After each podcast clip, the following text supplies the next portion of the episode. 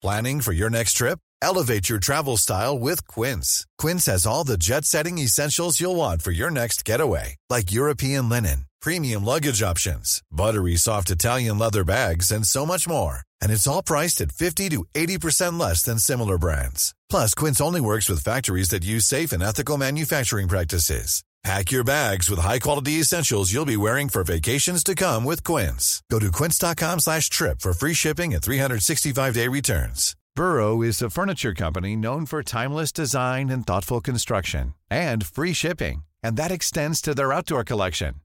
Their outdoor furniture is built to withstand the elements, featuring rust-proof stainless steel hardware, weather-ready teak, and quick-dry foam cushions. For Memorial Day, get 15% off your Burrow purchase at burrow.com slash ACAST and up to 25% off outdoor. That's up to 25% off outdoor furniture at burrow.com slash ACAST.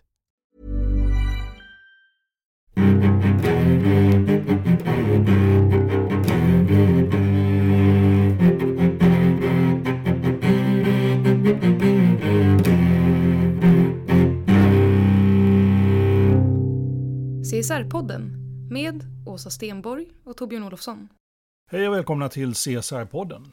Där vi pratar hållbart företagande. Mm, och idag så har vi eh, Inte ett företag. Nej, Inte ett det företag. är besök av en ambassadör faktiskt. En ambassadör i huset. Ja, Jakob Keifer. Han är Ambassador of Sustainable Business, den nya sedan sju månader tillbaka. Ja, vi har intervjuat två ambassadörer inom CSR tidigare, Bengt E Johansson och Diana Madunik. Ja, precis, och det här var en tredje, tredje serie. Men det händer saker tycker jag. Nya budskap. Och spännande, han har ju en gedigen bakgrund eh, med företag och ambassadör i Chile och Peru. Och... Mycket med företagsprofil på honom också. Och lite Kina pratar vi också. Mm. Hej Jakob och välkommen hit. Tack så mycket. Mm. Eh, Du är ju en av Örebros storheter, det vill säga eh, lokala nyheterna, de rapporterar ju löpande om dig. Hur, hur känns det? Löpande, jag tror jag har varit med tre gånger kanske, fyra gånger. Ja, det är fortlöpande. Ja, det är fortlöpande under en begränsad tid, ja. Men Ja. jag, jag håller av Örebro, jag håller kontakt med Örebro, jag är uppvuxen där. Och I en av Örebro-intervjuerna så berättar du också att du är en tv-junkie. Är det fortfarande sant eller har du tid för det? Och i sådana fall, vilka serier eller filmer är det som gäller just nu? Ja, jag är ju svag för, för serier och tv, jag gillar film överhuvudtaget, bra filmer. Så. Vi vill ha, det- man- vi vill ha filmtips. Filmtips. Nej, men jag tycker True Detective är en väldigt bra Ja, serie som går just nu. Och eh, sen den här Americans är ju en sån här, Mm. man måste bara se om man växte upp under kalla kriget. Så att, eh, ja, sen alla klassiska filmer, ja, ga- gangsterfilmer och eh, sci-fi tycker jag om också. Det är, Vilket ett bra sci-fi exempel. Jag tänkte vi skulle göra om det här en kulturpodd. Det kulturpodd. Väldigt överraskande, bara vända på allt nej, men det är väl alla de där, all, ja, Star Trek eh, tycker jag ju om, filmerna. Ja, men jag är lite sådär lite nördig på det sättet. Så, att jag gillar, jag gillar sci-fi. Ja, Alla nördar är hjärtligt välkomna ja hit. det var skönt. Vi ska försöka bana in i ämnet också, inte prata bara, igen borde vi bara prata filmintresse. Men i alla fall, du studerade i Uppsala och du gjorde en avstickare till Frankrike och USA och 1996 började du på UD. Under två år som sta- stack du iväg som stabschef till försvarsdepartementet och sen återkom du till UD som chef för press och CSR i Kina. Och sen blev du ambassadör i Chile och Peru. Ehm, Det verkar liksom som UD har liksom en väg in, men aldrig en väg ut. Nej, det är lite Hotel California. Ja, man checkar in, det. men man kommer aldrig ut. Ja, och varför är det så? Nej, men det är väl för att det är en, en eh, det är väl två saker. Man söker sig till UD därför att det, det, är, eh, det är roligt att jobba för Sverige, med Sverige. Och sen så tror jag att det är varierande arbetsuppgifter. Det är ganska svårt. Em, en bred låda. Ena veckan kan du jobba med EU-frågor, nästa vecka kan du jobba med MR. Du kan jobba med företagande, du kan jobba med vår säkerhetspolitik. Så det är fruktansvärt roligt, det är därför man stannar. Är roligt eh, ska jag inte säga att det är. Det är stimulerande. Ja, det kan det vara. Men jag kan ju också säga att det har blivit, det är svårare med åren att stå ut med alla processer som vi håller på med. Det är ganska mycket inbundet att vi har ett visst sätt att arbeta på. Och eh, det var roligt att vara ute i världen. Och inte lika lätt att komma hem. Även om det här är ett jätteroligt jobb så, Ja, så, är, det, så är det en liten resa att komma hem och finna sin plats igen när man har varit Blir det lite- che- chef ute. Och, Ja, det. ja. Blir det ett litet klansamhälle med vissa kulturella regler där man liksom hälsar på ett så här, Kråkholmen, man hälsar på ett visst sätt och så.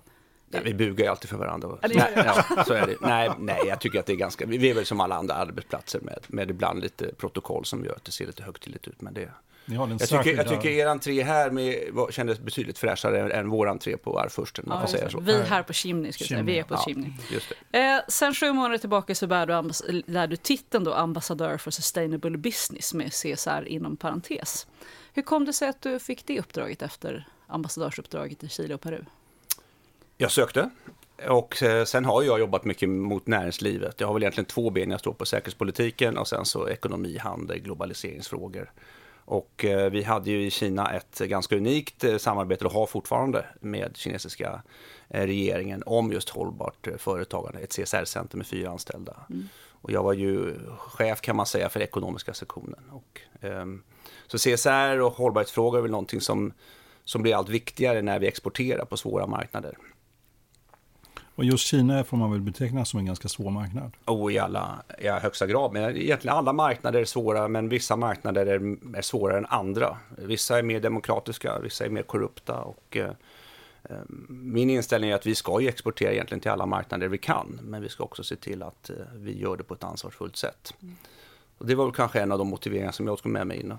Ja, jag fick det här jobbet. Hur, hur det går till har man ingen aning om. Eh, Det, Alltså hur det går till att få jobbet. Nej, det vet man inte. Man- Och hur jag blev ambassadör i Chile efter att jag aldrig satt min fot i Latinamerika är också för mig ett, fortfarande en gåta. Men, De har men, en eh, slumpmaskin någonstans långt där inne. Så Ja, tombola som med, du bara med, ramlar med ett ut. namn antagligen. Just det, en Fast, fast, du var, tomboladragning. fast du var inte lika förvånad över att du blev eh, CSR-ambassadör.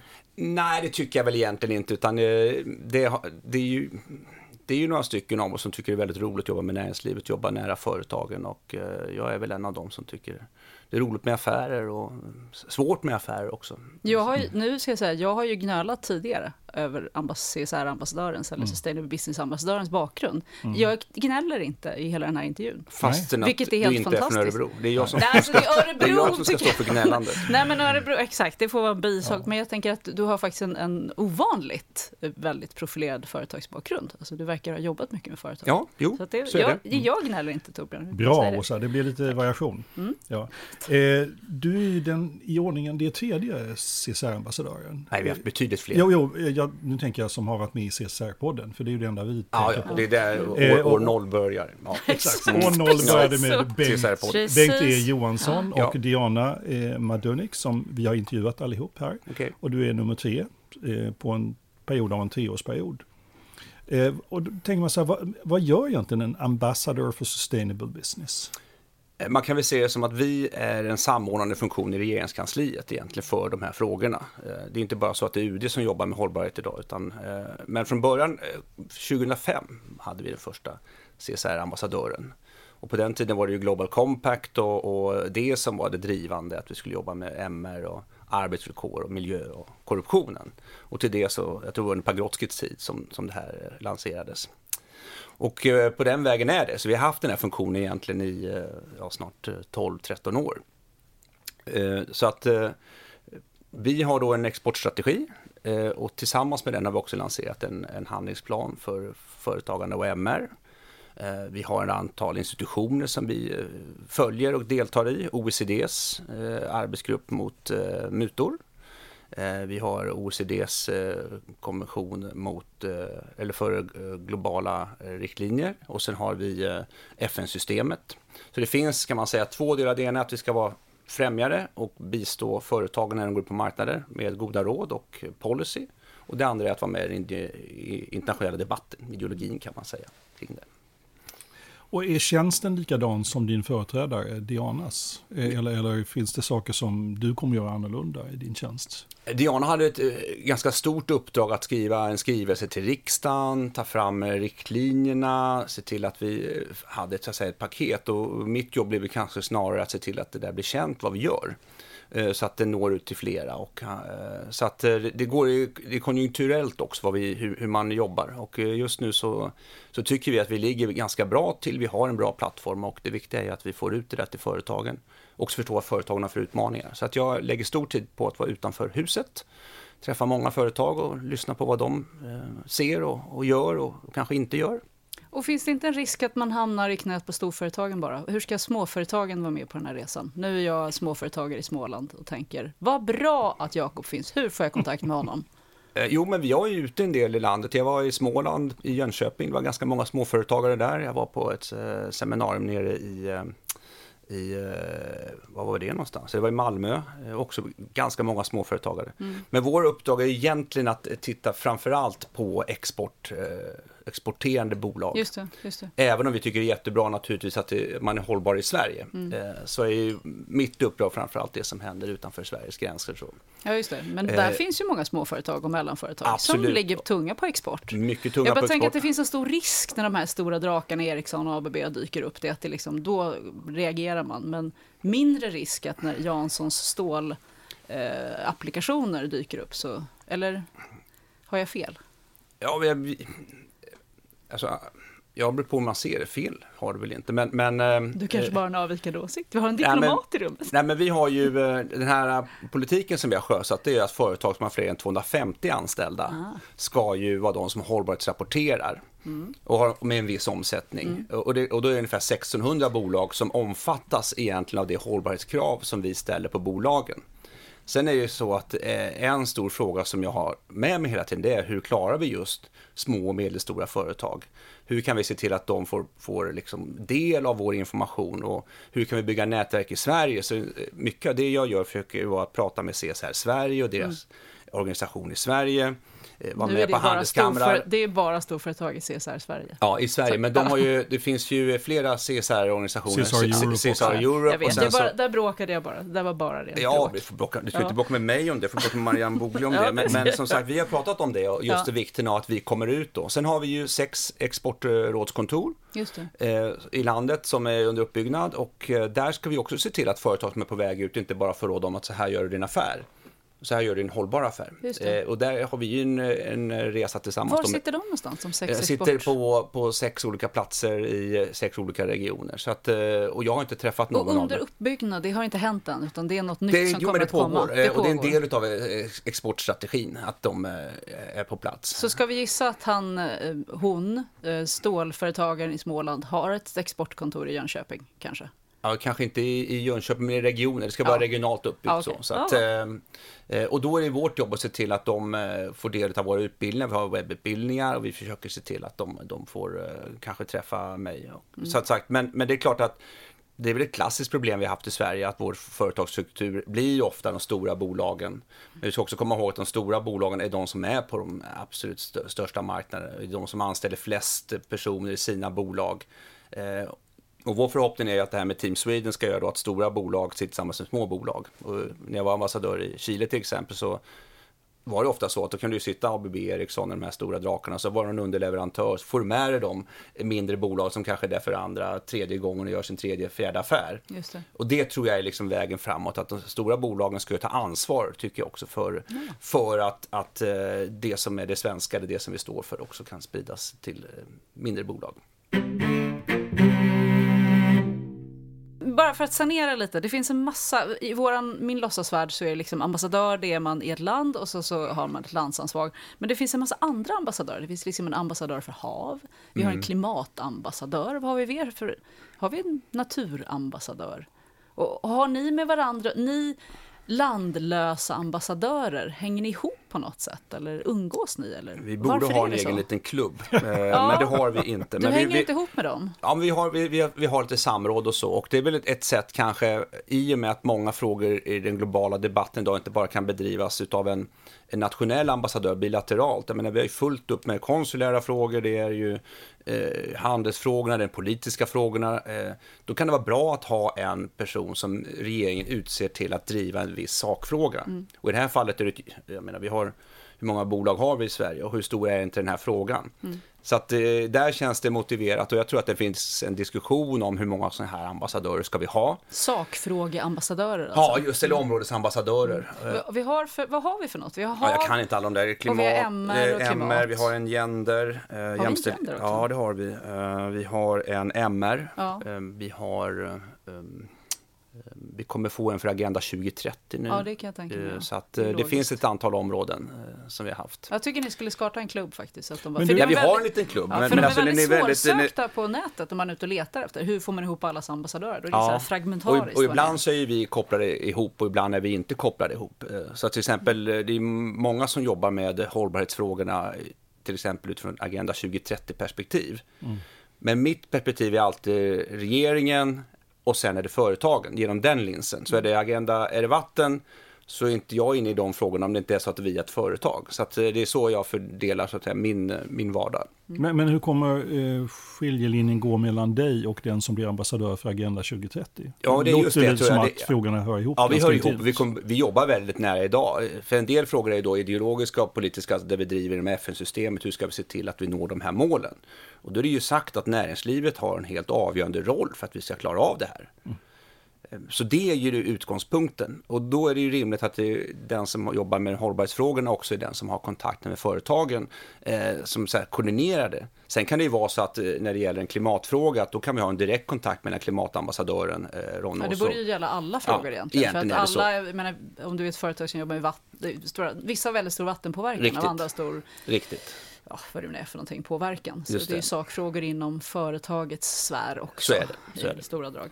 Och sen är det väl så att vi, vi utgår ju då som sagt ifrån eh, UN Global Compacts eh, principer och så har vi betonat ett antal frågor i dem, bland annat då jämställdhetsfrågan, mångfaldsfrågan, eh, sustainable taxation, alltså hållbara skatter och några saker till. Och sen har ju då agendamålen då tillförts kan man säga 2015 som egentligen är en del av samma sak. Så att det är ju en av våra stora utmaningar idag. Hur ska företagen hantera all denna eh, materia? Alltså de 17 mål omfattar i princip all mänsklig verksamhet. Eh, Så att det är viktigt att man så att man inte tappar bort det här gamla CSR-perspektivet som är liksom, gör ingen skada, så lite impact som möjligt. Det är jättebra om du kan bidra som företagare till de stora målen. Men det viktigaste är kanske att du do no harm, alltså det finns ju en sån princip inom CSR. Men en, en fråga då, för jag uppfattar det lite som att eh, Global Compacts 10 principer är på väg lite grann att falla i glömska. Och, och nu ska jag också säga, när jag säger det, säger jag att det finns trender. Och just nu är vi inne i en SDG-trend där de globala hållbara målen är, oh det är så viktigt. Samtidigt som det är ju i princip samma innehåll som de 10 principerna. Ehm, och, och, menar, och sen finns det, innan dess fanns det när vi fick eh, ISO 2000, oj oj oj, ISO 20, vad heter den, den heter 2000? 26, 26 Ja, 000, 26 000, ja då 26 var 000. den trend. Och då skulle alla mappa sig mot ISO 26 000 och nu har vi fått de globala hållbarhetsmålen och då är det stora ramverket, det är ett omöjligt ramverk. Helt värdelöst som ramverk, 17 stycken, omöjligt, alls för många. På tok för många. Ja, men du, Så, men Jakob sa just att det täckte all eh, Ja men det är mänsklig det det verksamhet. gör, men, men problemet är... Men det kan ju vara så att, att menar, företag är ju, är ju inte en entitet. Vi har ju Såklart hundratusentals bolag och vissa bolag är det relevant att prata vatten eller Ja, ja, ja. hunger eller, eller vad relaterat till målet som rör hälsofrågor. Såklart. Eh, vad vi far efter, eller vad jag far efter, är att det jag, jag tror inte alls de här har fallit i glömska, de här eh, ursprungsprinciperna, utan det är ju faktiskt det som är grunden för rapporteringen till exempel. Företagen som ska rapportera ska utgå från den här eh, MR, eh, Ja, det är ju klassiska frågor. De ja, det är klassiska frågor och de försvinner inte ur tiden. Nej, nej, nej. Eh, utan det handlar lite grann hur kan vi se till då att vi får in de här eh, tio principerna och sen MR och företag som är tre nya principer och sen Mm. har du då Agenda 2030. Hur ser vi till att man inte går vilse i det där? Och då jobbar vi bland annat med en organisation som heter GRI, Global Reporting Initiative, som är då en organisation som egentligen all hållbarhetsrapportering utgår ifrån. Det är roligt. Vi pratade om det i förra podden. Så prata på det om VGRI. Vi gillar Jaha, och de kommer hit eh, nästa vecka faktiskt, så att, Ja, då ska det. de få träffa våra företag och, och så. Men det är ju så. eh, Vet du vad vi fick höra i förra intervjun vi gjorde? Nej, nu avbryter jag det. Mm, det gjorde du. Men det, det, det kan man göra om man är poddchef. Passa på så. Tydlig markering på tror jag. Nej, men vi, vi intervjuade, eh, hjälp mig med namnet, vi intervjuade han som är Torbjörn. Torbjörn som är Westman, som är ansvarig för non-financial reporting på G, eh, KPMG. Och eh, då var hans slutord, det var att GRI har blivit alldeles för komplext och han såg att i framtiden kommer vi inte ha en GRI-rapportering längre utan vi kommer behöva olika ramverk för olika frågor för de är till sin natur så olika. Och det, är det kändes mer logiskt att liksom patcha ihop en redovisning än att köra det här gigantiska ramverkstänket för att det, det är helt enkelt, det blir för stort och det har blivit för komplext. Ja, och, och det är ju inte en, en slutsats som är helt felaktig, utan och det beror också på vilket slags företag man är. Är man ett företag som är, har 100 000 anställda och en, en stab på 300 personer som jobbar med compliance, då kanske man klarar det här. Men också där är det ju problematiskt idag, hur mycket ska vi rapportera om? Eh, och eh, jag sitter ju med i något som heter rådgivande kommittén då, som regeringen har i GRI. Och vi har ju konstaterat att det finns 450 ungefär olika policies och index mm. som man ska förhålla sig till på en global marknad. Det går ju inte. Eh, å ena sidan söker vi förenklade rapporteringssätt. Och sen finns det de som säger, ja, vi som är i den här branschen, textil eller gruvor, vi vill gärna ha fördjupad rapportering. Mm. Därför att vi når inte fram annars. Vi klarar inte av våra försörjningskedjor och vi förstår mm. inte, utan vi vill ha mer hjälp av GRI. Och vattenfrågorna är jättekomplexa. Hur långt sträcker sig mitt ansvar som använder vatten i min eh, produktion? Var börjar och slutar mitt ansvar? Hur kan jag? Så GRI försöker nog serva allt och alla. Eh, så vi ser väl två trender, en, en, mot en förenklad rapportering som kanske då framförallt små och medelstora företag kan, kan hantera och säga att bra, good enough, eh, första fint steg så. Och sen då de som vill gå fördjupat inom vissa branscher. Så att jag tror att det kommer bli en, en ehm, eh, ett ganska stort arbete med hållbarhetsrapporteringen. Och idag har ju vi krav på hållbarhetsrapportering mm. men inte exakt hur den ska vara förskaffad. Nej, kraven är ju ganska fluffiga. Eh, eller, ja, eller, vi säger, ja, fluffiga, nej, inte fluff, men de är, eh, de är inte jättesvåra att leva upp till, eh, men därmed flexibla. Så kan. Alltså, vi reviderar ju inte, alltså, eh, årsredovisningslagen eh, säger att du ska ha en hållbarhetsrapport baserad på interna internationellt mm. etablerade principer och, och konventioner. Men sen i slutändan så revideras ju inte den delen. Ja, har du uppfyllt arbetsvillkor, har du uppfyllt MR? Mm. Så, ser det ju inte ut idag, utan där är man ju då... Varför eh, vågar de inte lägga på det? För vissa länder har ju det, revisionskrav. Ja, det är väl Ja, eh, det är ju det är ett revisionskrav att du ska rapportera. Ja, just det. Det är ett revisionskrav att men du har rapport, men, inte, men inte rapporten behöver inte vara reviderad. Och, innehållsrapport, nej, precis, nej, precis, så är det. Och viss, mm. jag har för mig att det är någon av länderna i Europa som har adopterat. Frankrike har ju börjat med det som man kallat för, för det man kallar för företagande MR och det här med väsentlighetsanalys, eller due mm. diligence. Ja, just det. Den och, det, och den lagstiftningen har varit i kraft i lite drygt ett år, så vi vet inte alls hur den faller ut. Och det gäller för företag som har fler än 5 000 anställda i Frankrike. Ja, det är inte många. Så att det, det inte, skulle inte vara jättemånga som Nej. omfattades av den. Så vi får se vad den tar vägen. Men jag tror det viktiga här är nu att, att ehm, så här, jag tror inte att regeringen behöver lagstifta. Det är inte så att det saknas vilja hos våra bolag. Utan vad vi behöver göra är att se till att vi skapar eh, kunskap, att vi ser till att vi ensar oss i synen på vad är det som vi behöver ta tag i. För syftet med det här är ju slutligen att vi ska göra rätt eh, och vi ska säkerställa att vi har så liten risk som möjligt. Mm. En bra hållbarhetsrapportering handlar om att minimera risker i, ditt affärs, i din affärsverksamhet. Om jag är på en marknad där det finns MR-problem, hur förhåller jag mig till det? Hur, hur tar jag höjd för att, att det jag gör inte påverkar den här situationen? Och, och det är egentligen inget nytt i, i eh, i ett företagssätt. Det är bara att vi, vi har paketerat, nu är allting hållbart företagande. Så det är, en, det är en bred aspekt. Och för att återknyta till, till hållbarhetsagendan, då, Agenda 2030. Ehm, det är klart att det, det, blir mycket för det enskilda bolaget. Mm. Men jag har sagt, jag tror man, eh, man ska klara av den grundläggande rapporteringar och sen ska man se hur kan jag bidra eh, positivt och aktivt eh, till några av de här målen. Och, och någonstans där är vi väl idag. Ja, och det är väl det, det de flesta ja. gör. Man väljer ett par stycken och säger här Riktigt. kan jag vara och där kan jag inte vara. Det intressanta är att det går faktiskt så härligt, till exempel MR då, som då ligger i Global Compact som en sån här grund. Mm. Eh, du ska liksom respektera din enskildes MR-rättigheter och du ska inte kränka jag tror att någon har mätt att det är nästan 90-95 procent av Agenda 17-målen har bäring på, det, mm. på, den, på den aspekten. Absolut, jättetydligt. Så att eh, vattenfrågan går in i rättighetsfrågorna, mm. hälsa går in i MR-frågan. Så att det, det, det, är ju en, det är en bökig värld eh, och rättigheter är bökiga. Men det, det, är det är väl bara gräva där vi står och jobba oss framåt. Jag är ju en sån som kommer in i företag och så försöker jag få dem att göra mer och, och det tillhör mitt gebit och säger ni behöver strukturera, ni är jättebra på det här men ni behöver göra det här. Mm. Så jag är den här gnälliga typen som mm. liksom, piskar morot och vad vi nu tillämpar för någonting. Men samtidigt har jag utanför mig svenska politiker och sådana som du som hela tiden säger att ja, svenskt näringsliv är så himla bra hela tiden. Och jag kan ibland drabbas av sån här frustration att inte ni kan säga svenskt näringsliv är inte alls bra, ni borde skärpa er på den här punkten. Jag skulle liksom vilja se mer tydligare säga att om, vi, om, liksom, om jag ska hjälpa dig med din export, då får du banne mig göra det här. Händer det överhuvudtaget? Händer det bara när jag inte ser det? Eller är ni bara sådär glada och trevliga och tycker att de är superbra hela tiden?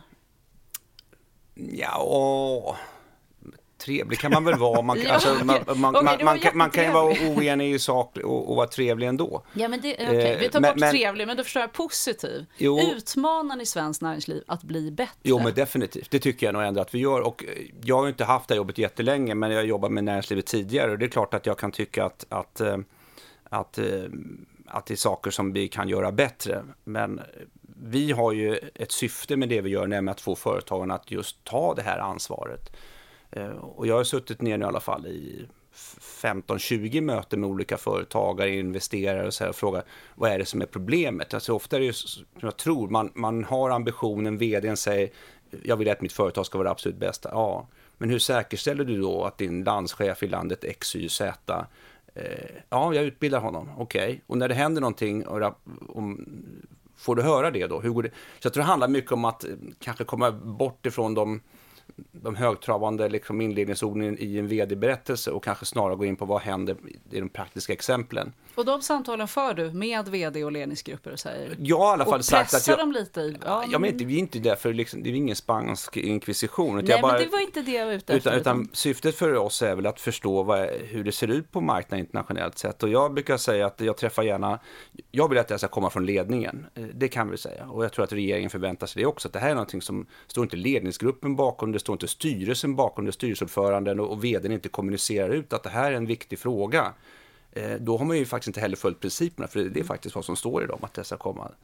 Eh, men jag kan säga hittills har ingen eh, vd inte varit med. Eh, när, när man sagt att det behövs. Så, att, så att det tycker jag är, är, är positivt. Och det andra är ju att vi har hållit på med det här ett antal år nu. Så att mm, vi börjar ju komma till, till en, en punkt där vi, om man tar H&M som hade otroliga problem när jag jobbade på ministerkansliet för 10-15 år, har ju fortfarande stora utmaningar. Men idag vet man ungefär vad är det som händer, vad är det som gör att lönerna är kvar där de är, vad är det händer med säkerhetsfrågorna och hur mycket ligger på oss som företag, hur mycket ligger på bangladeshiska staten, eh, om det gäller det, det landet. Så att, ehm, jag tycker att eh, det är klart att de är duktiga, men det, det finns mycket kvar. Och jag tror det svåra är liksom att få ihop eh, sin verksamhet i fält. Eh, hur, hur säkerställer du att liksom, dina f- tusen anställda i landet X tänker som, som du gör? Hur får du ut den kommunikationen? Det är en ganska lång resa. Och och hur tycker du att svenska företag står sig i jämförelse med andra länders företag inom hållbarhet och CSR? Så tar vi våra storbolag väldigt långt fram skulle jag vilja säga. Eh, sen är det väl, eh, som ni är inne på, det är, det är svårare för de medelstora bolagen. Men om man tittar globalt sett så tror jag vi har ett gott rykte. Eh, och Norden har ett gott rykte. Det är inte bara, man tror ofta att folk pratar om Sverige, men man kanske inte pratar om the Nordic model snarare än, än Sverige som land. Så det kan vi leva på. Eh, och sen tror jag också att våra statliga bolag eh, är högt respekterade idag kanske inte har varit det i det förflutna beroende på olika saker som hänt i enskilda bolag. Men frågar man eh, nere i Genève i MR-sammanhang så är våra statligt bolag högt respekterade. Och eh, det delar vi nog också med många nordiska kollegor. Så att, och det är viktigt för oss när vi kommunicerar. För Ja, att ofta är det så att, att man sitter då med mm, i Sydamerika och pratar med någon som har en stor gruva, eh, Codelco till exempel, som är en av de största gruvbolagen i världen. Och så har vi statliga bolag som jobbar med gruvor och sätter en vision att vi ska ha nollutsläpp det är viktigt. För att då känner man, har vi ni som är ägare, staten är ägare till det här bolaget, då borde kanske jag som statlig ägare i det här landet jobbar i, sätta samma krav som de svenska eh, ägarna tar. Så att det är inte oväsentligt att de statliga bolagen eh, sköter sig. Så. Och nu var jag på väg att inte säga emot, men jag kan inte låta Men bli att gör säga det. Säg emot. Det verkar vara din- första Here we så go. För det första så har vi inte så många sta- statliga svenska bolag längre. De har ju blivit väldigt, väldigt få i alla fall. För- 47. Ja, ja, Det är ju en del Åsa. Ja, okej, 47. Men det var fler förr. 570, 575 miljarder. Ja, just det. Men, och, men, ja, och några giganter är det Ja. Absolut. så är det. Och vi har ju intervjuat Vattenfall och Vattenfall har ju problem när det gäller energipolitik. Och det är ju ett dilemma Ja. eh, utifrån att de har, vill och jag tror de kan och internt känner de sig frustrerade för att de vill vara med i någon sorts grön omställning och sen stämmer de eh, vad är det, tyska staten för att de ska lägga ner en kolgruva. Alltså det, det, det, blir, det blir att man säger det ena och sen gör det andra. Ett att, dilemma. Ett, exakt. Ett dilemma. Ja. Och nu, och, och igen, nu igen, pratar du om de statliga bolagen. Och ja. Hur gör man där? Det där måste ju vara jättesvårt. Ja, men jag tror att det är ett problem som man har haft oavsett om det varit ett statligt eller ett, ett, eh, ett privat bolag. Därför att vi, vi står i en omställning där massa teknologi måste fasas ut. Eh, och det kanske inte såg ut så på den tiden när man skulle eh, köpa Nuon som var väl ursprungsaffären. Så att jag, jag, kan inte, och jag vill inte heller kommentera för det, det, är faktiskt så att jag äger inte den, den aspekten av eh, de statliga bolagen utan det sköter Näringsdepartementet. Men min poäng är bara att att jag tror det är viktigt att man har diskussionen, debatten. Jag tycker det är en ganska bra debatt kring, kring våra statliga bolag. Eh, och att eh, om det har gått snett som till exempel i, i, eh, det gjorde i Telia så har man haft en väldigt lång resa att komma rätt där och fått vända på väldigt många stenar. Så att, men när det gäller energipolitiken och Vattenfall, det är ju, ja, det är en fråga för styrelsen i slutändan och vad de vill göra med det. Men det kan vara ett dilemma, absolut. Ja, jag, jag lyckades kalla dem tror jag en envis tax som aldrig riktigt vill följa sin, sin ja, de drar i kopplet åt fel håll. Ja. Men, det, Men de investerar en hel del i grönt. Det gör de absolut. Ja. Och jag, i den diskussionen förstod vi också varför de har gjort det. I miljoninvesteringar, ja. miljardinvesteringar. Riktigt. Men samtidigt tänker de på sitt eget varumärke. Ja. Det var ju där man kan vara lite fundersam. Eh, du, vi har haft en rekordtid med regeringsbildning i 192 dagar. Har det påverkat Sveriges anseende internationellt? Tycker du? Eh, hur tänker du att det skulle ha påverkat ja, att det tog lång tid? Nej, men jag tänker möjligtvis att Sverige ses som den där überordnade staten som alltid eh, liksom levererar, lite Bror Duktig. Och plötsligt har vi något som nästan kan liknas vid en regeringskris där vi inte kan bestämma oss. Det känns väldigt osvenskt. Ja, och då var... tänker jag att då skulle ja. vi liksom vara så här, någon börjar undra så här, vad håller Sverige på med?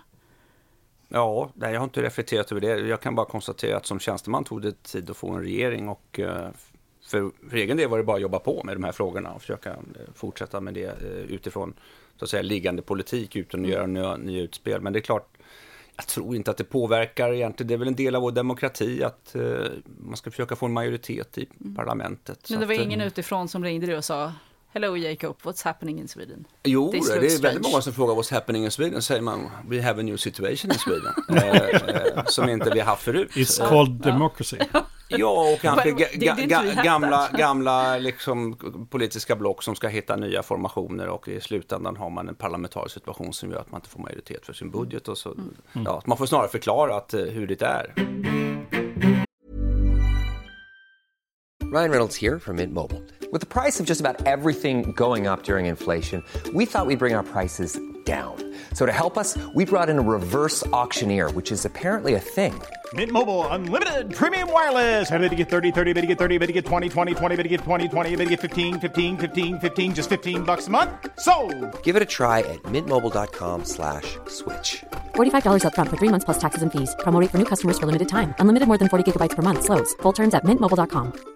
Hiring for your small business? If you're not looking for professionals on LinkedIn, you're looking in the wrong place. That's like looking for your car keys in a fish tank. LinkedIn helps you hire professionals you can't find anywhere else, even those who aren't actively searching for a new job but might be open to the perfect role. In a given month, over 70% of LinkedIn users don't even visit other leading job sites. So start looking in the right place. With LinkedIn, you can hire professionals like a professional. Post your free job on linkedin.com slash people today. There's never been a faster or easier way to start your weight loss journey than with PlushCare. PlushCare accepts most insurance plans and gives you online access to board-certified physicians who can prescribe FDA-approved weight loss medications like Wigovi and Zepbound for those who qualify. Take charge of your health and speak with a board-certified physician about a weight loss plan that's right for you. Get started today at plushcare.com slash weight loss. That's plushcare.com slash weight loss. plushcare.com slash weight loss. Du kommer ju att rapportera till samma minister som tidigare. Mm. Eh, men det blir en ny regering. Ser du att det kommer bli annorlunda i politiska inriktningen med anledning av det? Eh, ja, det tror jag inte, utan som sagt, eh, vi har ju precis börjat nu dra eh, våra ärenden då för den nya statssekreteraren Niklas Johansson och sen så Ann Linde är ju kvar i, i, i samma portfölj. Och sen står det ju i januariavtalet att eh, man ska ha en fortsatt ambition, kanske ökad ambition på hållbart företagande. Mm. Så att, eh, och, och, hur det ska, om det kommer ändra min portfölj, det är jag inte, det är jag inte säker på. Eh, så att vi får väl se. Jag är, vi är inte där ännu. Så du har inte fått dubblad budget och dubblat ansvar? Gärna det, men inte fått. Nej. Men det kanske kommer? Jag vet inte. Jag tycker vi har ganska gott eh, med resurser och vi ska jobba genom andra. Det är inte så att eh, en liten grupp eh, på UD, utan vi jobbar genom våra myndigheter. Business Sweden jobbar med det här, vi jobbar genom mm. Exportkreditnämnden, genom Swedfund, Almi. Alla har det här uppdraget och när vi upphandlar så ska vi ha det. Så att, Sverige styrs ju ofta genom regleringsbreven och sen myndigheterna och i slutändan våra ambassader ute i fält. Så, att, eh, ja. så att det är lite spännande. Hur, hur, på vilket sätt stöttar ambassaderna ute i fält företagen? Har, har de löpande kontakter med företagen och hjälper dem med rådgivning där också? Eller? Alltså, Nej, inom hållbarhetsområdet tänker jag. Jag kan ju säga eh, att jag tror inte att vi har haft den kompetens som krävs. Om vi börjar i den änden. Eh, och det beror precis som ni är inne på, det är väldigt mycket som händer inom hållbarhetsområdet. Eh, så att eh, en del som vi har fått börja med, det är att se till att, vi, att våra diplomater och de som jobbar med handelsfrågorna eh, kompetensutvecklas. Så vi har haft en webbaserad utbildning då som är ganska, nästan fyra timmar lång med case studies och sådär. Mm. Och sen försöker vi då coacha våra ambassader och träffar eh, Eh, Team Sweden på plats. Det kan vara handelskamrar, det kan vara eh, att ambassadören kallar till möten eller att man möts. Och sen så tar man upp de här frågorna. Hur jobbar ni med det här? För man måste börja någon ända så. Eh, och, och, med det sagt så är det ju tanken att, att är man på en svår marknad så tycker jag att man ska ta, dra nytta av den kompetens som vi ändå sitter på. Eh, på utlandsmyndigheterna. Vi följer ju utvecklingen när det gäller miljöfrågor, när det gäller MR och så. Ska vi gräva lite i det där svår marknad? Då ja. tänker du framförallt länder där man har hög korruption, där mänskliga rättigheter inte uppfylls, folk betalar inte skatt och därmed har vi inte vägar och vi har inte, eller vad, vad är det? Jo, det är väl ungefär så att... att eh, skulle, finns det ett europeiskt land eller skulle Tyskland vara en svår marknad? Nej, nej. Ja, Tyskland är en svår marknad därför att det är en hård konkurrens. Men, ja, men, men inte, inte... utifrån ett, inte utifrån ett, ett hållbarhetsperspektiv på nej, det sättet. Nej. Utan då kanske det snarare är att vi, eh, vi är positiva där när mm. vi säljer. Vi, säger, vi har bra produkter som, mm. är, som vi tror bidrar till till exempel Agenda 2030. Så vi lägger det som en, en bottenplatta i allt vi gör. Vi ska vara eh, gröna, hållbara och, och eh, stå för omställningen. Så det är snarare blir en positiv. Nej, jag tror att vi pratar just om att många av tillväxtmarknaderna i världen är ju eh, omogna marknader och eh, med svaga institutioner. Ja, svaga stater. Ja, svaga ja. stater, eh, kanske inte ett, ett stadigt rättssystem i alla mm. delar. Mm. Och, och eh, eh, det är också där som, som eh, morgondagens tillväxt ligger och där ska vi vara. Och då tror jag att det är viktigt för oss att, att vi försöker koppla ihop det som kanske, ja förut jobbade vi med handel, handel och så var MR och politik på en annan plats. Det, jag tror inte det går att jobba så som företag idag, utan du måste förhålla dig till den politiska situationen och eh, eh hur det ser ut i landet. Och, mm, som sagt, eh, du nämnde korruption. Jag tog del av den här Transparency International senaste perceptionsindex för 2018. Det är ju ingen munter läsning. Mm. Alla länder i princip går åt fel håll. Utom Sverige som går uppåt lite grann. Men, men i allt väsentligt så ökar korruption på nästan alla våra marknader. Det är oerhört tragiskt. Ja, och, det är, och då kan man ju ställa sig frågan, hur kan, kan, vi, kan vi bidra som stat och kan vi tillsammans med vårt näringsliv eh, i alla fall bilda oss en bättre uppfattning, hur, hur går den här korruptionen till? Hur gör man som företag när man är i en sån miljö? Eh, jag har varit med i flera fall eh, under min tid ute att ibland får man berätta och ge goda råd och, och, så kom man fram till det här kanske inte var en bra affär. Det var en bra affär på pappret men mm. kanske kostar för mycket och för hög risk helt enkelt. Mm. Vi ska ha ett korruptionsinslag, Torbjörn. Mm. Ja, det har vi bestämt, det bestämt oss för att eh, korruptions... Så här går beslutsfören till. Torbjörn läser sitt lapp och pratar inte alls med mig. Ja. Och sen finns det en annan del också, det är ju, som vi jobbar mycket med och det är ju det här med hållbar upphandling. Mm. Det vill säga att mm. hållbar upphandling ska då vara hållbart utifrån det här och det, det handlar om att stater eh, lägger enorma belopp eh, på att köpa upp saker och FN lägger enorma belopp. Och då undrar man, lever våra stater som har skrivit under de här konventionerna upp till sina egna eh, mål? Och ambitioner? Nej, det är inte säkert att de gör det. Och det tycker jag att vi skulle kunna eh, ställa högre krav. För att vi förlorar ibland affärer till länder som inte har samma höga krav. Så bilateralt borde vi ställa krav på att om vi ska jobba mer som stat så borde ni som stat ha en mer ordentlig upp, eh, hållbarhetsaspekter in i upphandlingen? Jag skulle inte säga så, jag skulle bara säga så här, hur jobbar ni som stat? Alltså ställa frågan, lägger ni in de här kraven? Jag skulle inte vilja gå in i en diskussion med, med, med landet XYZ och säga vi ställer krav på er som stat, utan vi tycker att det är en bra sak när stater, landsting, kommuner ställer höga krav, därför att det blir ju bättre energiförsörjning, bättre konsumtion. Alltså, vi tror att det är något positivt. Men är vi bra på det i Sverige då? Lever vi själva Nej, upp till vi, den ambitionen? Det är inte jag rätt man att svara på, men vi, vi har väl sett att, att uh, upphandling är ganska svårt.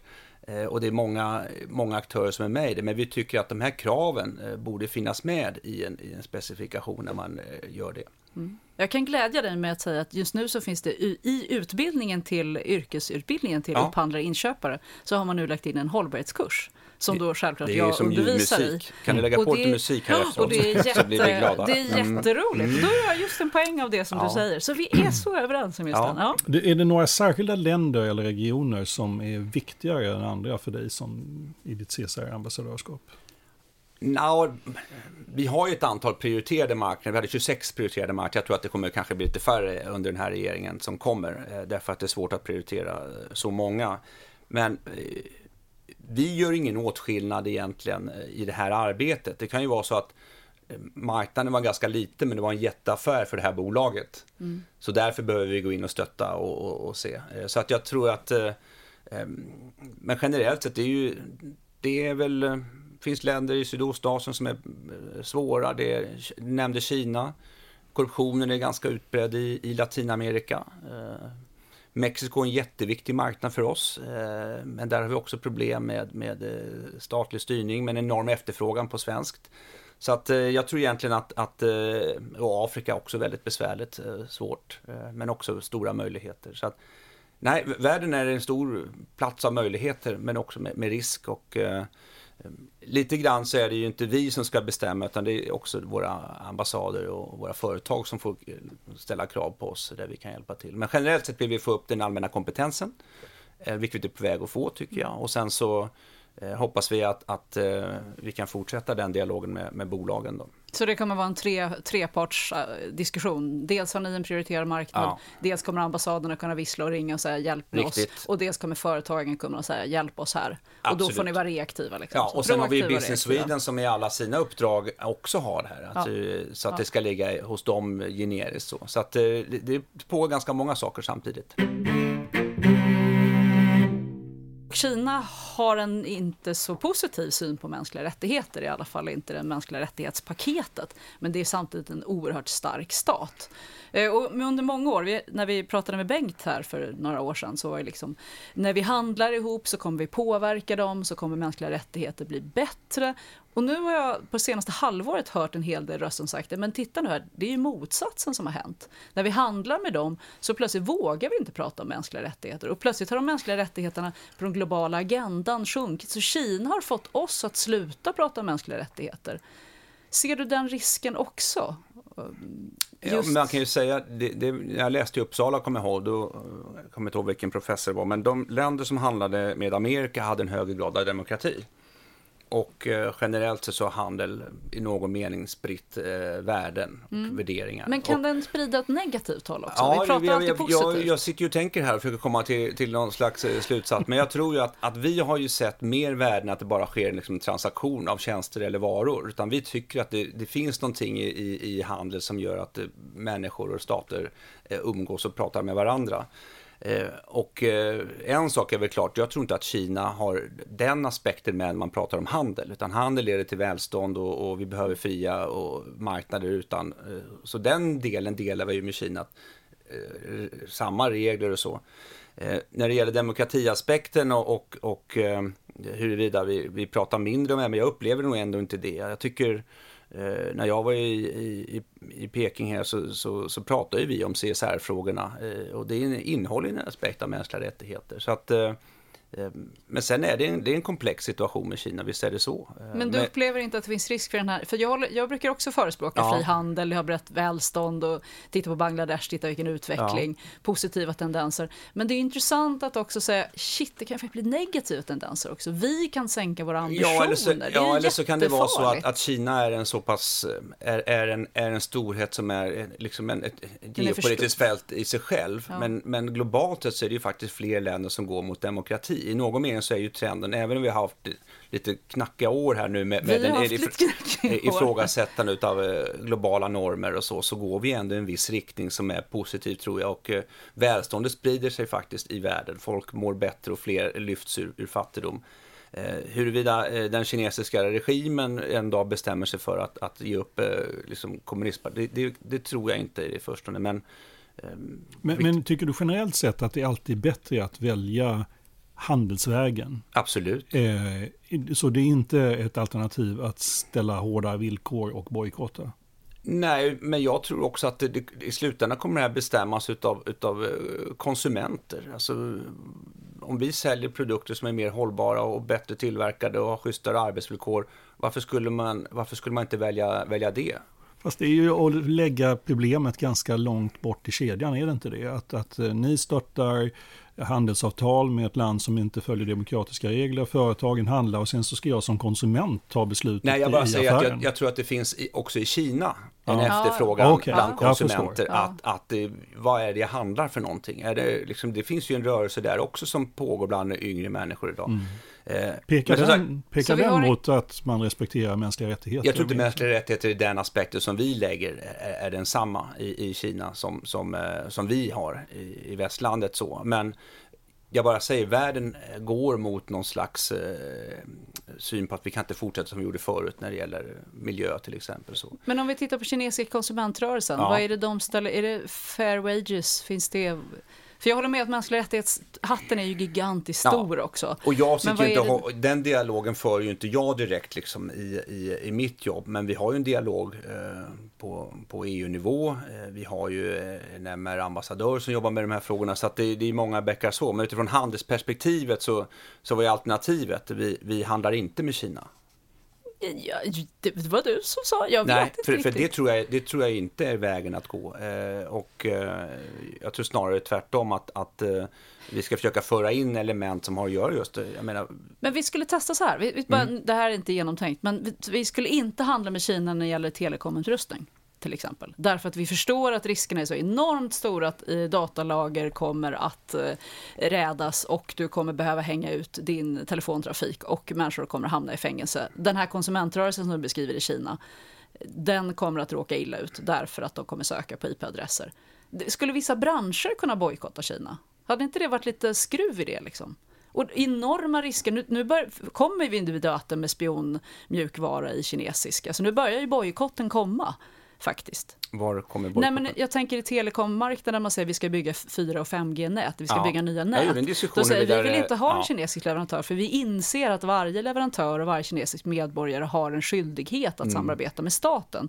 Vilket gör att risket för spioneri är oerhört mycket högre. Och det är ju en sorts inbyggd bojkott på mänskliga rättigheter. Nu gick jag långt.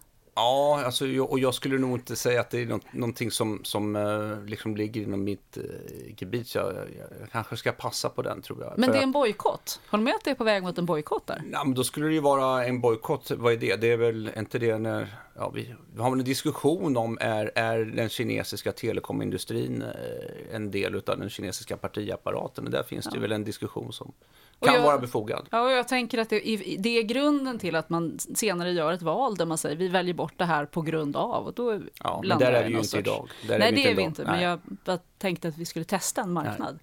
Överhuvudtaget. Men det är klart att det är viktigt, alltså en, en central funktion när det gäller hållbarhet det är ju att det finns, eh, konsumenterna kan vara upplysta att de vet var saker och ting kommer ifrån, att det finns en, en, ett fritt flöde av information. Det är det som jag tror det är svårt att ha eh, global framgångsrik handel utan fri information. Mm.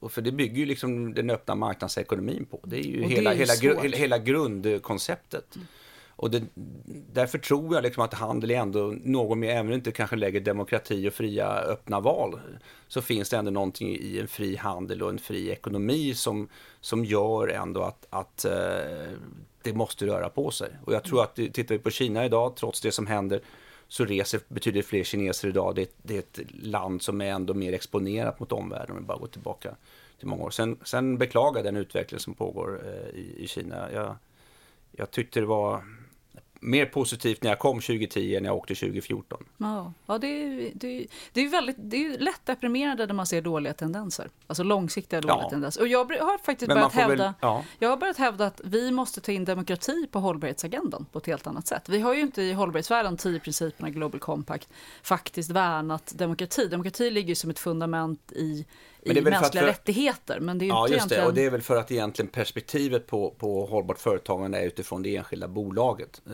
det är ju liksom, vi driver ju en, en politisk agenda som, som regeringar har en liksom dialog på CSR-området med flera olika länder. Men, men när vi pratar om eh, om hållbarhetsfrågorna så handlar det mycket om hur ska det ena bolaget agera och vad är Men, liksom det, deras ansvar? Det är så roligt. Kan inte, jag, jag vet om att eh, ett, ett oljebolag till exempel ja. i Sydamerika har gått in och sagt att vi, för att vi ska kunna existera här måste vi ha en rättvis domstol. Och då börjar man utbilda domare helt enkelt. Man börjar motarbeta korruption uppströms, för det måste man göra med korruption. Det är jättesvårt att motarbeta uppströms, liksom någon annanstans. På samma sätt kan jag också se att ett, ett bolag i ett svag stat skulle gå in och säga jag vill att vi ska ha rättvisa val. För jag vill jobba uppströms för en, en stark stat. Mm. Det, det borde kunna hända. Ja, om det har hänt, du berättade, har, har det hänt? Ja, eller? oljebolaget har hänt. Ja. Eh, jag är osäker på var i Sydamerika det var, men det har hänt. Ja. Mm. Eh, men det, jag tycker det skulle vara helt rimligt där du säger att här är det viktigt för oss. Och vi inser också att ofta är det sämsta som finns för hållbarhet och företag, det är ja, krig. Och väpnade konflikter i samband med val, jättedåligt, jättedåligt för då är, leder det till krig. Ja. Uppströms, absolut. Vi jobbar för, vi sätter ut, vi stödjer med säkerheten kring vallokaler, vi hjälper till med schyssta informationssystem. Mm. Ja. Varför inte? I en svag stat jo. har man stora ansvar också. Jo, det är riktigt att man har svagt, men, men, det är också så att, att principen då som när det gäller MR och företagande så är det ju som staten kan aldrig undfly sitt ansvar att stå upp för eh, de mänskliga rättigheterna mot sin egen befolkning. Mm. Eh, vi, en stat kan inte säga nu ska någon annan ta det ansvaret, utan det är faktiskt skrivet så i deklarationen om mänskliga rättigheter att det är, för, det är inte företagens ansvar, det är statens ansvar. Däremot har ett företag ett ansvar att, att respektera de här rättigheterna. Och uppstår ett problem, eh, eller man kränker dem, så ska man se till att det finns ett sätt att få upprättelse och ersättning i någon mån, kompensation. Men man kan ju också uppmuntra dem. Det kan man absolut göra. med utbildning, det, det kan man absolut göra. Barn, det kan man liksom. absolut göra. Min poäng är bara att jag tycker inte stater ska, kan eller ska eh, liksom fly sitt eget ansvar och mm. lägga det knät på bolagen, utan de måste ta sitt eget ansvar för att säkerställa fria val och domstolar och så. Sen om de lyckas, det är en annan sak. Och där kan ju man ju tänka sig då att företag eller individer, NGOs och andra går samman för att uppnå det målet. Men det är statens ansvar i första hand. Eh, på den tiden du var i Chile så gjorde ni en eh, reklamfilm som hette The Swedish Way. Ja, just det. Finns det någon koppling till det här ämnet? Nej, det, utan det där är en helt annan sak. Det var en, en, en, ja, ganska lång historia, men kort var det så att vi byggde en, en del av en tunnelbanestation som kallas för Via Svecia, The Swedish Way. Okay. Och eh, för att promota den så gjorde vi två filmer. En som kallas för Konspirationen. För vi kunde inte berätta om att det här bygget var på gång för det skulle ju lanseras ett halvår senare. Och den andra kallades för um, The Diplomatic Mission Impossible. Som berättar hur det här bygget gick till. Det finns på, på nätet. Är det här en anspelning på din filmnörderi? Ja, absolut. Och hela den, framförallt filmen, ja, det är, den ena är ju någon sån här koppling till, till Uppdrag granskning. Någon, en reporter får nys om att det händer någonting och de filmar i mörker och med skakiga kameror. Och, konspiration med näringslivet och staten, vilket är helt sant.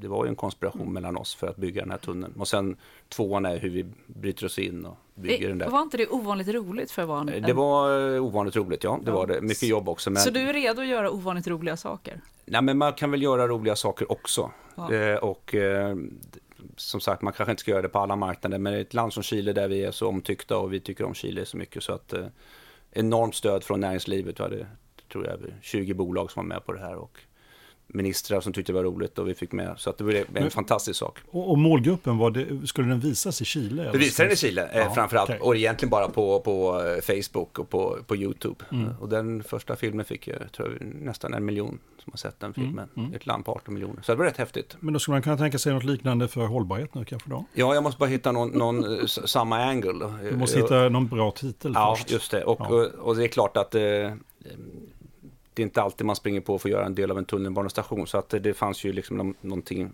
riktigt bakom det där. Så att, ja, gärna filmer, men, men det är väl den här podcasten som kommer lansera oss in i, i, i framgången. Googla på Jakob, den finns, jag har tittat på den, den ja. var väldigt rolig också. Mm. Eh, en idol jag har heter Greta Thunberg och hon säger att man kanske måste ha en diagnos för att eh, förstå hur svart och vit klimatfrågan är.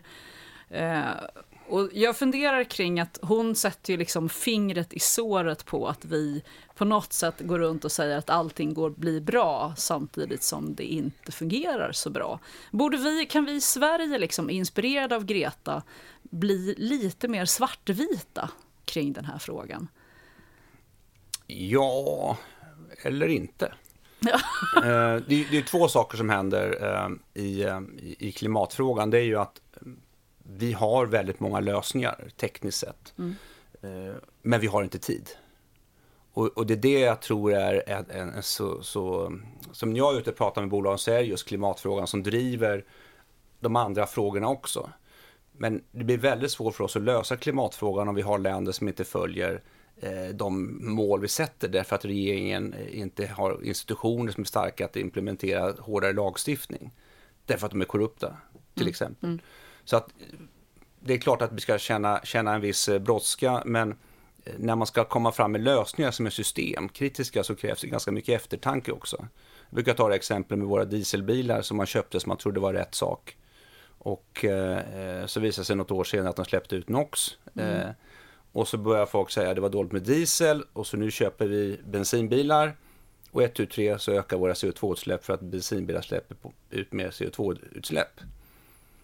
Eh, så att eh, det, det är en komplex och det är bara en liten sån ja, där... Nu öppnar du liksom ett hål av diskussion. Ja, men bara För det, som exempel, jag håller med att det är systemförändring som krävs och där saknar vi ju ledarskap i systemförändringen. Nej, att... jag tror inte vi saknar det. Jag tror bara att det, det, det du, du, drar i en tråd. Till exempel ska vi, vi ska inte importera mer palmolja från, från de här länderna. Eh, vi ska inte köpa palmolja alls. Eh, eller så importerar vi palmolja för att vi, vi vill ha den till maten och i själva verket går den till bränsle som leder till att vi eh, vi tycker att vi kör, vi kör klimatsmart bränsle. Men i själva verket kommer det öka efterfrågan på palmolja. Vi befinner oss i ett systemproblem ja, som vi måste lösa man måste, man måste analysera det där, men problemet ja. är att vi har inte så mycket tid. Nej, eh, för och, Greta sätter ju fingret på tiden. Ja, men tiden får inte vara sån, så kort att vi inte hinner fatta genomtänkta beslut. Därför att det är stora kedjor och det tar ganska lång tid. Kan man förklara det här för Greta? Skulle hon köpa den? Absolut. Det tror Greta jag. är ju väldigt smart. Ja, Greta är alltså 15-åringen som har suttit Precis. och eh, skolstrejkat utanför riksdagen ifall någon har missat det, hur det. det har gått till. Ja. Jag vet inte, men... Eh, hon säger ju också, I don't want you to be hopeful, I want you to panic and feel fear, uh, the fear I feel every day. Um, tycker du att vi ger klimatkrisen rätt uppmärksamhet? Ja, det tycker jag nog ändå. Eh, och hon, hon, har ju, hon har väl kompletterat det där sen och sagt att hon men, menar nog inte att vi ska springa i panik och... och för att, ska vi drabbas av panik eh, Om huset brinner så, så, så, så ska man kanske inte drabbas av panik därför att då fattar man fel beslut. Man ska vara cool, man ska gå ut och så ska man men hon säger att man kanske inte ska tänka på hur det ska byggas upp. Vi måste lösa liksom hur när branden ska bekämpas eller hur rädda mm. oss från den. Att, men, eh, men, hur, men, men, hur, känner du inför barn som växer upp med klimatångest? För det är ju ganska många som gör det ändå. Man känner att det, det, är, det är abstrakt, man kan inte ta det på det, men det är väldigt tydligt att det, allting går åt fel håll. Ja, det, det är ju det. Som, som sagt, jag, man, man, eh, jag tror att i andra kriser så har man kunnat liksom förlita sig på att det här löser vi med teknologi och så. Och, eh, det finns ju lösningar idag på, på, på driv och på transport och så, men det är vansinnigt dyrt och det tar lång tid. Och eh, under tiden så, så kan jag bli frustrerad över att det fortfarande till exempel byggs nya kolkraftverk, mm. också i Kina. Mm. Och Kina exporterar kolkraftverk fortfarande till länder som då har rättmätiga krav på, på, på energi. Och de behöver energi för att kunna bygga sina samhällen och, och el till, till sina system för att de ska kunna eh, bli mindre klimatpåverkande. Men, men eh, vi måste ju fasa ut kolet och allting sånt. Alltså vi måste få de lätta, lätta liksom besluten först. Och, ehm, där kan man fundera på om man kan göra mer i, i, i det tekniska biståndet eller tekniska lösningar och standarder och så. Eh, men som sagt, jag är, jag är, inte klimatexpert på något sätt, men, men det, det, lilla jag tar del av det här, det är att det är som sagt väldigt många kedjor och det är väldigt många eh, eh, många aktörer. Eh, och det tråkiga är ju att vi, vi hade en ganska stark konsensus men vi har tappat en, en tung partner i Amerika ju, som för närvarande liksom har ställt sig vid sidan av. Det hoppfulla är att också där fortsätter ju arbetet med klimat på, på andra nivåer. Då, men att, eh, men de, på delstatsnivå? På delstatsnivå eller enskilda bolag. Och, det, det jag kan tycka är, är häftigt ändå det är att eh, företag har en förmåga att ställa om snabbt. Eh, och många företag vill ställa om snabbt. Och det går liksom, så, så någonstans så rör det sig åt rätt håll, men det frågan är om det är tillräckligt snabbt som sagt. Mm. Går det fort nog. En eh, slogan som jag brukar köra på upphandling, det är ja. ställ alltid krav på klimatmätning. Absolut. Det är så en väldigt enkel som, man, som brukar ja. vara the last famous word. Ställ ja. alltid, inte kanske jämföra, för idag är mätningen så skakig så det inte går att jämföra, men ställ alltid krav på mätning, för dit måste vi, vi måste mäta det. Och vi måste mäta rätt också. Ja, ja, men efter ett tag, har man mätt lagom länge så ja. kommer man mäta rätt. Men Riktigt. man måste börja mäta. Nu blev till och med jag tålmodig, märkte ja, det konstigt. Just det. bytte roll här lite. Ja. Nu har du ju varit eh, ambassadör för hållbara affärer i sju månader. Mm, ja, just det, kan stämma. Ungefär så. Mm. Eh, vad har inspirerat dig mest? Ja, men, men det är just det att det finns en enorm drivkraft och det, det som jag tycker är häftigt med, med hållbart företag det är att liksom, när man går in i en, en sedvanlig så här företagsekonomisk liksom, analys, vad, eller vad tjänar man pengar? Det är ju att kapitalismen i någon mening fungerar här därför att nu börjar pengar flytta sig från eh, smutsiga affärer till, till gröna affärer. Frågan är bara, baserar man besluten på rätt saker? Har vi rätt kunskap om de här bolagen som man tycker är gröna? Placeras våra pensionspengar i rätt eh, hållbara företag? Och där kan jag ju säga att där har vi en liten uppförsbacke därför att hållbarhetsrapporteringen idag ger inte en, en samstämmig bild. Vi kan inte mäta mellan bolag eller mäta mellan branscher. Vi har en del information, men har vi tillräcklig information för att fatta upphöjda beslut om pensioner?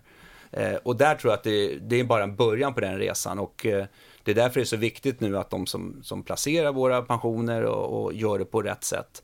Eh, och jag tror inte heller att de här företagen ska backa eller flytta sina pengar om det går snett, utan de ska nog vara kvar och ställa krav på de här bolagen som går snett. Eh, om det nu gör det. Eh, så att, eh, och det går fort, det flyttas enorma belopp. Och sen kommer en ny generation, millennials och Z-generation, och, och de, de ställer ju ännu högre krav eh, för att jobba på ett bolag. Så att jag tycker det är häftigt med, med näringslivet, det med att det liksom finns en enorm kraft där. Och eh, när den, den kraften liksom delas med oss också som sitter i regeringen så blir det rätt häftigt. Och eh, jag tycker bara på den här korta tiden att få ihop Team Sweden och, och det här så har vi kommit en bit på väg. Men jag, jag tycker det är mycket kvar, det är det absolut. Eh, och ehm, så att, så att eh, det är väl det att, eh, och intresset. Jag tror att hade man gjort det här för tio år sedan så, så hade det inte varit samma intresse. Så att det får inte bara bli en fluga. Du sa mm, att det var, mm. fanns olika saker som hänt mm. tidigare inledningsvis, att det fanns olika som man det handlar om samma saker. Om, det, om det nu mm, liksom är, är, är, den ena stan eller den andra. Det vill jag inte bara man vill hitta en metod som fungerar. Ja, det är samma intresse ja. men i olika format. Olika format. Då kanske man upptäcker ISO 26 000 var en bra metod men egentligen inte bra för målsättningen. Jättebra med GRI men vi behöver komplettera det. Men det egentligen handlar om samma saker att mm. komma framåt. Om vi ställer dig, nu ska vi ägna oss åt backcasting. Nu har du gjort ett antal år som eh, ambassador för sustainable business och nu ska du se tillbaka istället. Vad skulle du vilja se tillbaka på? Och hitta något konkret. Det här hade jag velat uppleva. Om du verkligen fick drömma. Jag fick uppleva en rätt häftig sak, eh, om man skulle blicka tillbaka. Det var när vi var i New York eh, under Global Compact och det var i Unga-veckan, i den stora FN-veckan. Och så, eh, så hamnar jag på en lunch eh, och där är kronprinsessan och där sitter stora företagsledare och presidenter och så kommer eh, Guria in och, och, och säger ja, i rummet bredvid här sitter regeringsföreträdare och vi ska göra snart i den stora församlingen. Så jag kan säga att det går inte så bra med hållbarhetsfrågorna. Så det här är upp till er nu, titta mot företagen. Mm. Och så, man hör hur det blir tyst i liksom, rummet bland de här företagsledarna som sitter där. Jag tycker det var en rätt häftig illustration över att från att ha varit liksom ett, inte vattentätt skott mellan det globala FN-samfundet då, så har liksom man eh, tagit in den kreativa kraft som företag ändå eh, består av som en del av lösningen. Och eh, de var en del av problemet, är en del av problemet. Eh, det är ju stater också. Att, stater är ja. problemet, men just att näringslivet eh, har ett ansvar för alla de fantastiska uppfinningar som har ju ställt till med ganska mycket också. Så vad tycker du vi ska ha löst på tre års sikt? Vad ska vi ha oh. löst? Vi ska bara säga så här, det här, ja, men, ja, men jag, vi, vi träffas igen om tre år, du och jag och Jakob, och så har vi så här, nu kör vi intervjun igen, och du säger, det där är jag väldigt stolt över att jag löste under min period som som ambassadör för hållbarhetsfrågor. Ja, jag, jag, tror att man ska liksom vara relativt ödmjuk med vad just den här rollen... Är jätteonödigt. Ro, ro, rollen kan, kan, men det är klart att, att kan, kan, jag i någon mån bidra tillsammans med, med, med regeringen och serva min regering som de fattar goda beslut och låta den här frågan fortsätta få, få finnas. Eh, det, det skulle jag kännas bra så. Utan det är ofta så att du har en ambassadör men sen är det, det är hela, det är hela policyn egentligen som är vår. Så att jag vill ja, att frågan får synlighet, att den är aktiv och att, eh, ja, att vi gör lite skillnad någonstans. Att ni har hörts ordentligt? Jag har hörts och helst fått lite effekt också. Ja. Jag, jag tror det handlar mycket om det. Att, och att eh, det behöver inte vara så mycket pukor och trumpeter utan det, jag tror att eh, är företagsledningarna lika intresserade om tre, fyra år av, av de här frågorna så är jag nöjd. Så inte mer intresserade. Ja, alltså jag, jag vill inte, jag menar att de, de, de ska fortsätta ha det intresset, för jag, jag menar att de har ett påtagligt intresse. Så mm. det får inte försvinna nu, utan de måste hålla fast. Mm. Gärna accelerera, men, men det får mm. inte bli mindre i alla fall. Mm. Toppen, då ses vi om tio år utan pukor och slagverk och så får du berätta om hur framgångsrikt det har varit. Ja, gärna det. Ja. Stort tack, jättekul och spännande. Tack för att du kom hit idag. Ja, tack så hemskt mycket.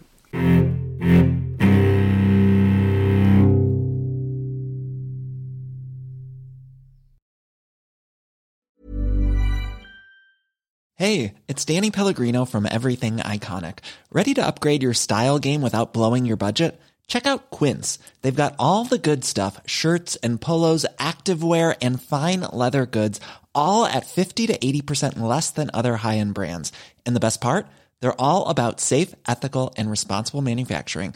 Get that luxury vibe without the luxury price tag. Hit up quince.com slash upgrade for free shipping and 365 day returns on your next order. That's quince.com slash upgrade. Planning for your next trip? Elevate your travel style with Quince. Quince has all the jet setting essentials you'll want for your next getaway, like European linen, premium luggage options, buttery soft Italian leather bags, and so much more. And is all priced at 50 to 80% less than similar brands. Plus, Quince only works with factories that use safe and ethical manufacturing practices. Pack your bags with high-quality essentials you'll be wearing for vacations to come with Quince. Go to quince.com/pack for free shipping and 365-day returns.